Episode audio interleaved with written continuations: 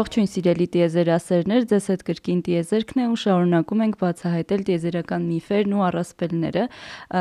Ես Տաթևն եմ տիեզերք նախաձեռնության համահիմնադիրներից, իսկ իմ զրուցակիցն այսօր Այաս տիեզերագիտական ընկերության հիմնադիր եւ նախագահ, Բազունք տիեզերական հետազոտությունների լաբորատորիայի համահիմնադիր աստղագետ Ավետի Գրիգորյանն է։ Բարև ձեզ, պարոն Գրիգորյան։ Բարև ձեզ Այսօր մի շատ հետաքրքիր բավականին մեծ ուշադրություն գրաված մոլորակներից մեկի մասին ենք խոսելու, Մարսի, Մարսի մասին վերջերս ու ոչ միայն վերջերս շատ շատ շատ շատ շատ շատ են խոսում, բայց այս այն թեման է, որ ինչքան էլ խոսես, միևնույն է խոսելու բան շատ կա։ Այսօր կոնկրետ Մարսի հատկություններից մեկին ենք անդրադառնալու, այսպես ասած ջրանցքներին։ Մարսի, նախ ասեմ, որ Մարսի ուսումնասիրությունները Հայերը շատ վաղուց են, չէ՞, սկսել դեռևս 17-րդ դարում առաջին անգամ աստղադիտակով նայեցին, հետո ավելի ուշ տեսան ինչ որ մութ գծեր ու հենց այդպես էլ ու դրանք վերագրեցին որպես ջրանցքներ։ Բայց ինչ էր, ինչ էին դրանք իրականում, արդյոք հայտնաբերվեցին այդ ջրանցքները, թե ուղղակի ենթադրվեցին, որ դրանք ջրանցքներ են։ Իրոք պատմությունը շատ հետաքրքիր է։ Ջրանցքները իրականում այսպես ասենք, դիտվեցին։ Հա, դիտվեցին, բայց միշտ չի որ ասենք այն ինչ որ դիտում ես իրականություն է, այսինքն կամ ճիշտ ես մեկնաբանում դիտածը, ինչ տեղ ունեցավ 1877 թվականին, երբ որ արդեն եկավ այն ժամանակաշրջանը, որ աշխատակների որակը հնարավորությունները թույլ էին տալիս դետալներ, ինչ որ մանրամասներ նշмарել մոլորակի վրա, կոնկրետ մարսի վրա։ Այդ ժամանակ այդ խոսակցությունները սկսվեցին։ Առաջինը դա Ջովանի Սկիապարելին էր, ով իտալացի, որը դիտեց եւ նա շատ նենց մանրազնին դիտում ու ճկնում էր տեսնել ինչ որ մանրամասներ ռելիեֆի եւ տեսնում էր ինչ որ մութ ու լուսավոր տիրույթներ։ Եվ իր տպավորությունը այնպեսին էր, որ այո, կա, կան ինչ որ երկար մուտ գծեր, մոլորակի դեմքի վրայով անցնող տարբեր ուղություններով եւ անվանեց դա կանալի որը իր մեջ այդ բառը ներառում էր ընդհանրապես ոնց որ հուն, որով կարող է հոսել եւ հոսել ջուր եւ ինքը երևի թե նկատի ուներ, որ հենց ջուր է հոսում, այդ բայց ինքը բացարձակ այդ բառը չէր հուշում, թե ինչ ցակում ունի, այդ դա դա խոսքը բացառապես նրա մասին չէր, որ դա անպայման արհեստական ցակում ունի, կարող էր եւ բնական լինել, եւ ինքը սկիապարել են համարում էր, որ ոչ մի հիմք չկա ասելու դրա ցակման մասին, խոսելու դրա ցակման մասին, բայց բնականաբար արդեն ստեղ տարբեր ոնց որ ասում են ասեկոսեներ ասեկոսեներ տարածվեցին շատ པարզ պատճառով երբ որ մարդ ասում է ես տեսնում եմ երկար ուղիղ ամբողջ մոլորակով անցնող գիծ մութ ապա ինչպես կարող է բնական ռելիեֆը այդպեսին լինել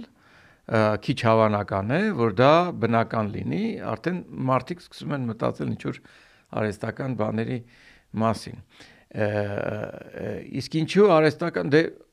կյանքի մասին էլ էին մտածում Մարսի վրա, չէ՞, տենց ինչ որ բաներ կային։ ոնց որ ասած մտքեր Մարսի հետ կապված եւ հույսեր։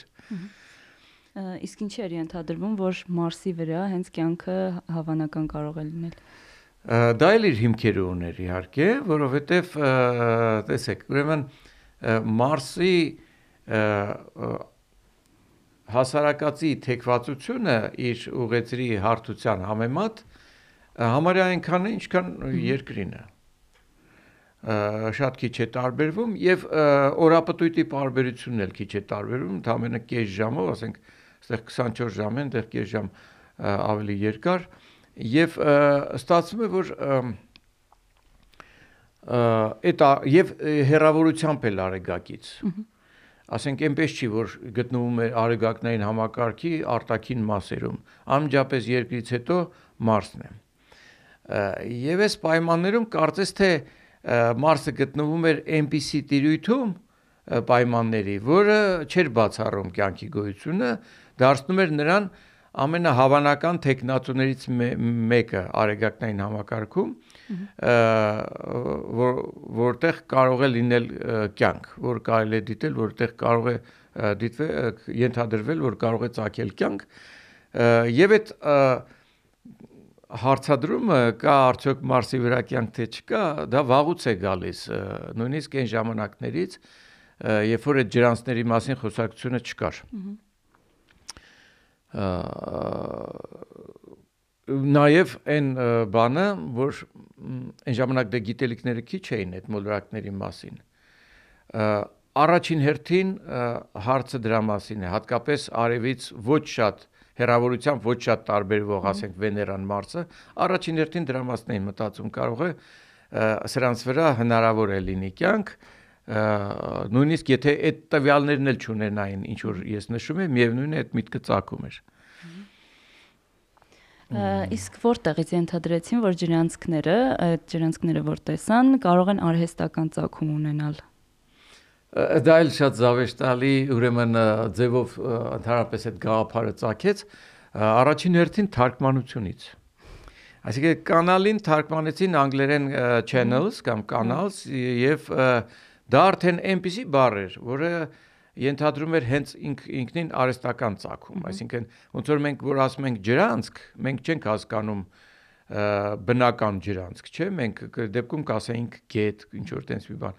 բայց երբ որ ասում ենք ջրանցք, արդեն արհեստական ցակում։ Այսպեսի թարգմանական process-ի արդյունքում մարդիկ, երբ որ այդ լուրը տարածվեց, արդեն սկսեցին ընկալել, որ խոսքը արհեստական ցակման մասին է։ Այսինքն սկիապարելին հնարավոր է հենց ջրանցքների նկատի չունենալով էր ասեր։ Այո, ինքը չուներ, որ դա արհեստական ցակում ունի։ Ասում էր մութ տենց գծեր են, որը երևի տենց ակոսներ են, որոնցով հոսում է ջուր բայց ինքը չէր ասում դա արհեստական ինքը սկիապարել են այդ արհեստական ցակման գաղափարը համարում էր անհիմն բայց ամերիկացի աստղագետ Պերսիվալ Լովելը բավական ողջորվեց այդ գաղափարից արհեստական ցակման եւ ինքը ոնց որ ասած ավելի տարածեց ու ամրապնդեց այդ գաղափարը փորձեց փորձեց հիմնավորել ինչու պիտի լինեն արեստական, որովհետև ասում է դե չորային մոլորակ է ենթադրվում էր, դա էլ էր ենթադրվում, որ ճորային մոլորակ է եւ ասենք այդ ճորային մոլորակը, ասենք այնտեղ պիտի որ ենթադրվում էր։ Այն ժամանակ կյանքի գոյությունը տեզերքում համարվում է շատ ավելի հավանական, քան հիմա ենք պատկերացնում։ Եվ ասում էր, պիտի որ լինի կյանք, քաղաքակրթություն, ընդ որում արդեն իրենց դիտումների ընթացքում երևում էին բևերագդակները Մարսի, որը դիտում էին բնականաբար ոնց որ երկրի վրա, չէ, Անտարկտիդան, հյուսիսային սառուցյալ օվկիանոսը որպես ջրային սառույցի, բնական սառույցի շտեմարաններ, եւ դրանց սեզոնային փոփոխությունները էլի հուշում են, որ պետք է կյանք լինի եւ բնականաբար ասում ես դե չորային մոլորակ, իսկ դրանք այդեղ այդքան ջուրակուտակված, ինչ պիտի անեն այդ այդեղ ապրող մարդիկ, քաղաքակրթությունը պիտի իրանց համար գերխնդիր է լինի այդ չորային շրջանները հասցնել ջուրը անել այտենց համամոլորակային մեծ մասշտաբի կառույց ջրանցքներ եւ հասցնել այդ չորային շրջանները ջուրը ահա սա էր ֆեստիվալ Լովելի գաղափարը եւ նույնիսկ 1908 թվականին նա այդպեսի գիրք հրատարակեց Մարսը որպես կյանքի օրան։ Այդ ամեն ինչը իր պատկերացումները ներկայացնելով։ Ես նույնիսկ մի էսպիսի տող եմ հիշում, կարծեմ Ռոբերտ Զուբրինի գրքից էր Մարսի մասին, որ նշում է, որ ճիշտ է Լոուելը, Լոուելի տեսությունները սխալ էին, այսինքն չկային Մարսի վրա քաղաքակրթություններ, բայց ինքը հնարավորություն տվեց ենթադրել, որ ուրիշ մոլորակի վրա կարող է կյանք լինի։ Այսինքն Լոուելը Մարսը բնակեցրեց երևակայության մեջ ու հետո այդտեղից արդեն սկսեցին Այո, բացի նրանից, որ մարդիկ հակված էին դրան, ավելի շատ էին այդ հավանականությունը պատկերացնում, քան իրականում էր, ինքը բավական դա ավելի զարգացրեց։ Տարբեր երկրների գիտնականներ դարձան դրա ջատագովները, օրինակ խորթային մաթեմատիկոս եւ աստղագետ Ֆելիքս Զիգելը, որը նաև մասսայականացնում էր գիտությունը եւ այլն 1920 թվականին ինքը բան արեց այնքան այնքան էր տրամաբանական արգումենտներ փորձում բերել, ապացուցել, ցույց տալ, որ իսկապես դրանով տարված էին աստղակենսաբանները ասպարեզ եկան, բացատրում էին թե ինչպեսին պետք է լինի բուսականությունը Մարսի վրա եւ այլն, լրիվ դարել էր մի ամբողջ ուղություն, տեսություն եւ այլն։ Լավ, ոնց հասկացա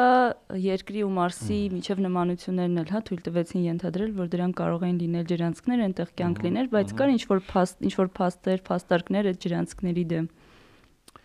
իհարկե շատ գիտնականներ այն գլխից ոնց որ ասած հենց սկզբից սկեպտիցիզմով դրան թերահավատորեն վերաբերվեցին ու ասեցին դե հիմք չունենք ասելու որտեղից ենք վստահ որտեղ իրոք ջուր է հոսում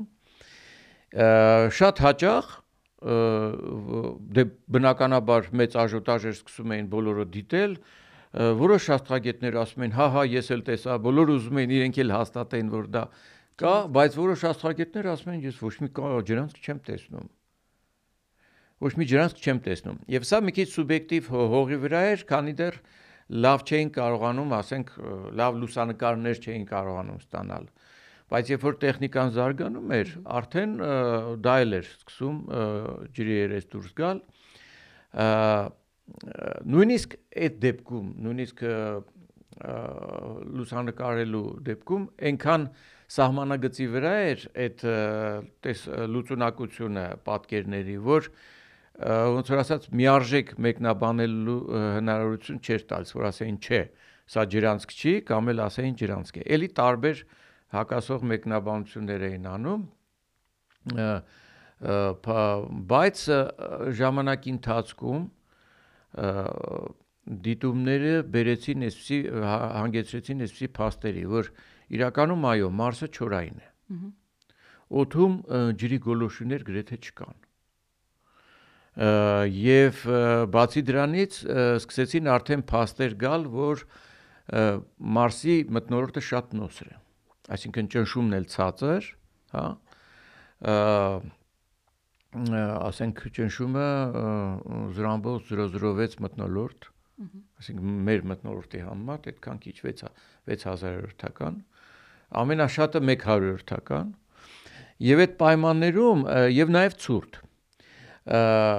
ճիշտ է ցուրտը ինչ որտեղ կարող էր նպաստել որ հեղուկ ջուր կարողանար լինել մարսի վրա բայց ճնշումը այնքան ցածր էր որ նույնիսկ այդ ցրտի պայմաններում ստացվում էր որ կամ ինքը կգտնվի սառույց վիճակում բնական սառույց կամ էլ եթե մի քիչ տաք է ինքը անմիջապես հեղուկ վիճակից ներողությունը պինդ վիճակից անմիջապես գոլոշյանում է սուբլիմացիա է լինում եւ դա նշանակում է որ ել ոնց կարող է ջրանցքով ջուր հուսել եթե դա ոնց որ ասած վարկյանների կամ ռոպեների հարց է որ այդ ջուրը պարզապես գոլոշյանա ծրվի օթում եւ ավելի շատ այդպիսի արգումենտները մասնակիցներին հանգեցնում էին նրան, որ դրանք կարող են լինել պարզապես բնական ակոսներ, կիրճեր, բայց ի վերջո եկավ նաև եւս մի վարկած, այսինքն փաստարկ, որ գիտեք ինչ, էլ մի հատ ուշադրություն դարձրեք հակասություններին դիտողների փաստարկ բաների նկարագրությունների թե ինչ են տեսնում սկսեցին նույնիսկ փորձեր անել, այսինքն մարդկանց կանգնացնում էին ինչ որ հերավորության վրա, այդպիսի պատկերներ էին ցույց տալիս ոչ թե ջրանցքներով, այլ մութ ու լուսավոր տիրույթներով, ասենք ինչ որ մոլորակի պատկեր, սկավառակ։ Եվ մարդկանց ասում են ինչ եք տեսնում, ու հաճախ մարդիկ ասում են, որ բան եմ տեսնում, մութ գծեր եմ տեսնում։ Այսինքն դա իրականում նաև տեսողական իլյուզիայի խնդիր էր մարդիկ կային, որ երբ որ ուղեղը մշակում է ինֆորմացիան, նա փորձում է բանանել ինչ որ իր պատկերացած ձևերին բերել դա եւ շատերը ասում են դրանք ուղիղ գծեր են, բաներ են, մութ ուղիղ գծեր են։ Այսինքն այստեղ վերջին վարկածը տեսողական իլյուզիաներ եւ հետո հետագայում պարզվեց որ այո տեսողական իլյուզիան ստեղ չար չար խաղ խաղաց դիտողների գլխին, այո։ Լավ, հետագայում արդեն հնարավորություն ունեցանք Մարսը ավելի մոտիկից ուսումնասիրել, տիեզերական սարքավորումներ ուղարկել, մարսագնացներ ուղարկել, իսկ այդ հետազոտությունները ինչ թույլ տվեցին ենթադրել։ Հա, իհարկե չէր կարող այդ իրավիճակը երկար տևել, բնականաբար երբ որ արդեն տիեզերական դարը սկսվեց, երբ որ տիեզերական սարքեր սկսեցին ուղարկել, որոնք կարող են մոտիկից արդեն դիտել, դա ավելի շուտ եղավ, քան դիտակները կարող էին այդ հարցը լուծել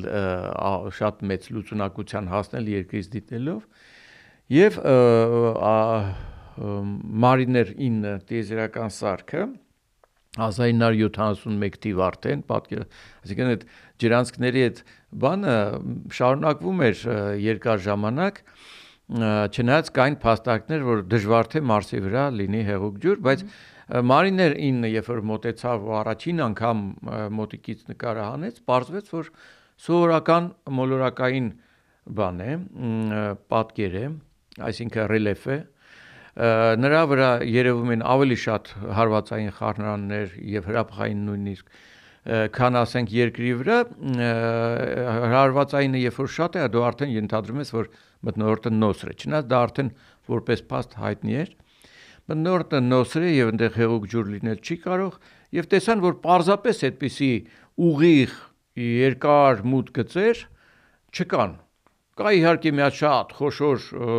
բան հազարավոր կիլոմետրեր ձգվող կիրճ մարիների հովիտը այսպես ասած որը ոնց որ մի սպի լինի մոլորակի դեմքին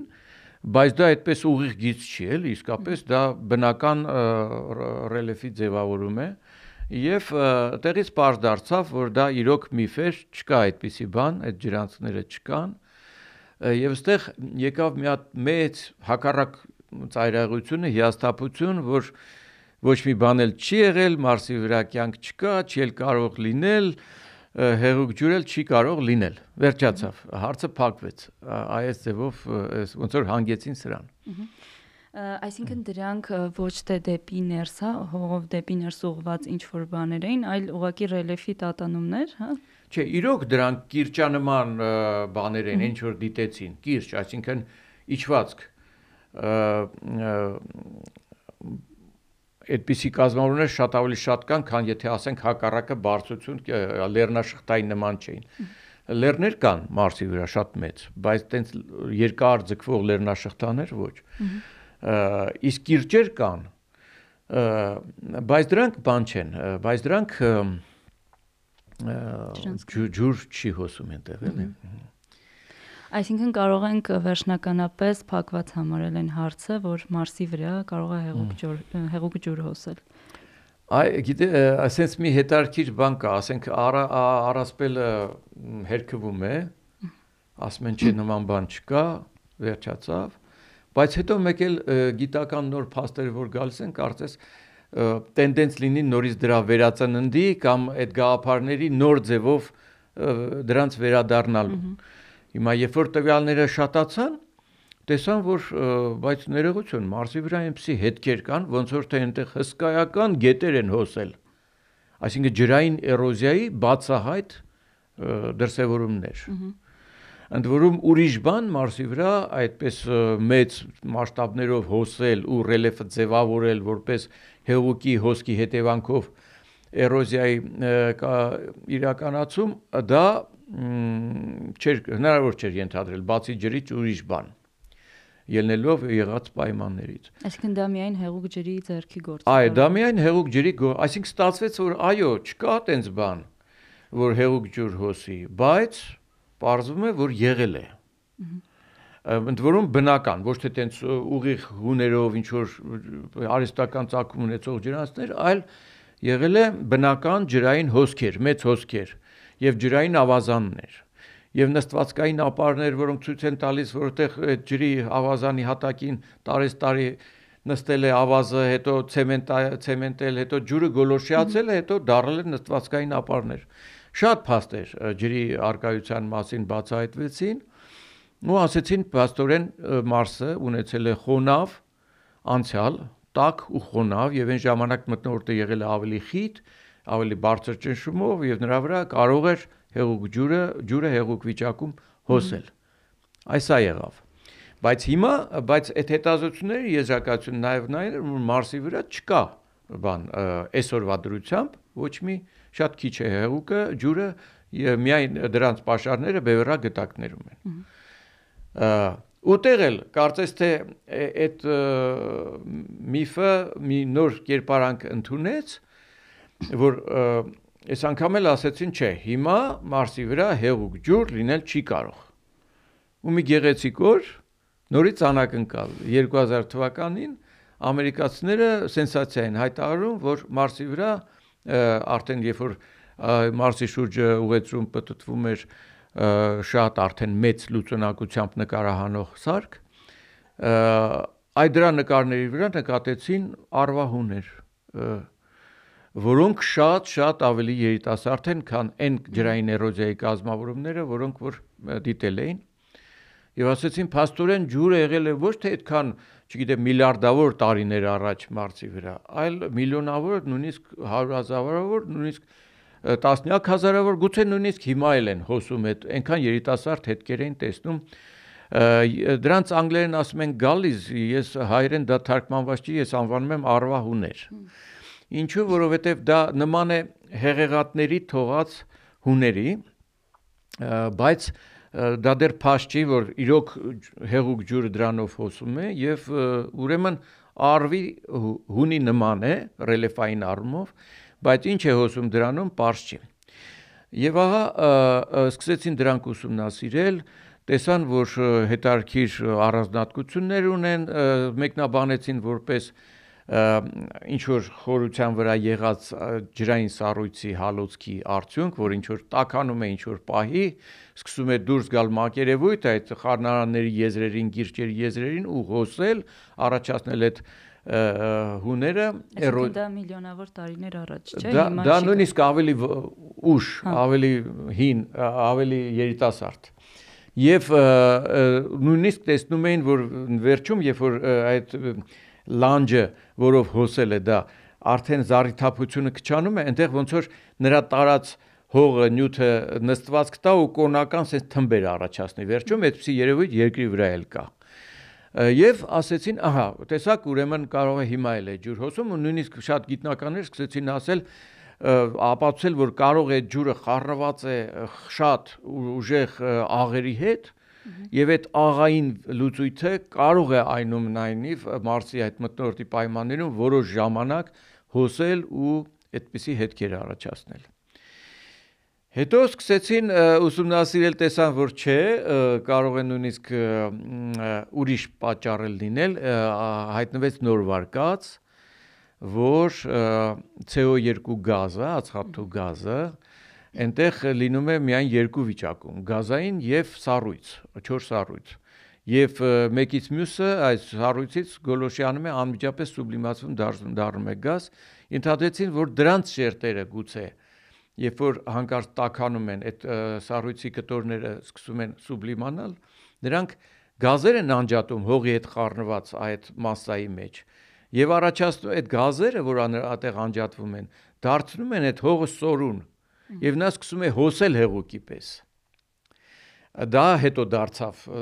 ոնց որ ասած գերիշխող վարկածը, Հիմա էլ թերևս դա է, բայց միևնույն է, այդ դրա մեկնա, այդ մեկնաբանությունը տվողները չեն կարողանում բացատրել, բայց ինչպես կարող է դա այն ապարային զանգվածները այդպես էրոզիայի ենթարկել, փորել տենց սուր փոսեր երբեմն։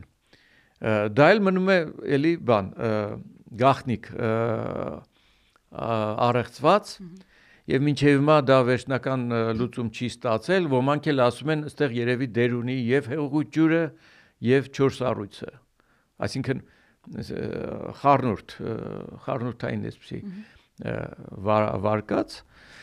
Այսինքն կարող ենք ենթադրել, որ ինչ որ պահի էլի այդ մարսյան ջրերի վարկածը կարա վերակենդանանա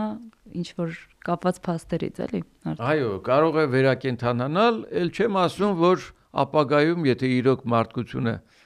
գնա Մարս, փորձի Մարսը ինչ անել,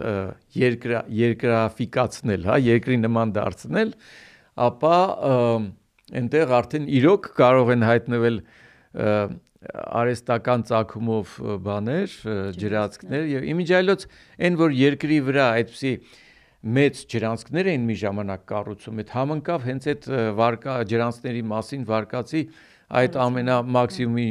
երբ որ երկրի վրա կառուցում էին, մարդիկ ինչպես են առասպելները սովորաբար ստեղծում երկրային պատկերացումները, պրոյեկտում են այն աշխարհները, որոնց հետ ծանոթ չեն։ Այդ նույն գաղափարները տեղափոխում են այնտեղ ու երբ որ երկրի վրա Սուեզի ջրանց, Պանամայի ջրանց, Վոլգայի հետ կապված այնպես մեծ ջրանցներ եւ այլն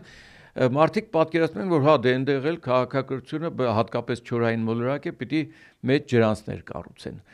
Այսինքն սա էլ էր նպաստող գործոն հավատալու այդ գաղափարին, բայց գիտությունը մնում է գիտություն եւ փաստերը պիտի վերջնական պատասխանը տան դիտողական կամ փորձնական փաստերը պիտի ապացուցեն կամ հերքեն։ Լավ, իրոք շատ հետաքրքիր է Մարսը բացահայտելը, բայց այսօր մեր ժամանակը սպառվեց, այսքան երևի թե այսքանով սահմանափակվենք։ Շնորհակալություն, որ մեզ հետ եք, սիրելի ունկնդիրներ, կհանդիպենք հաջորդ հաղորդման ընթացքում։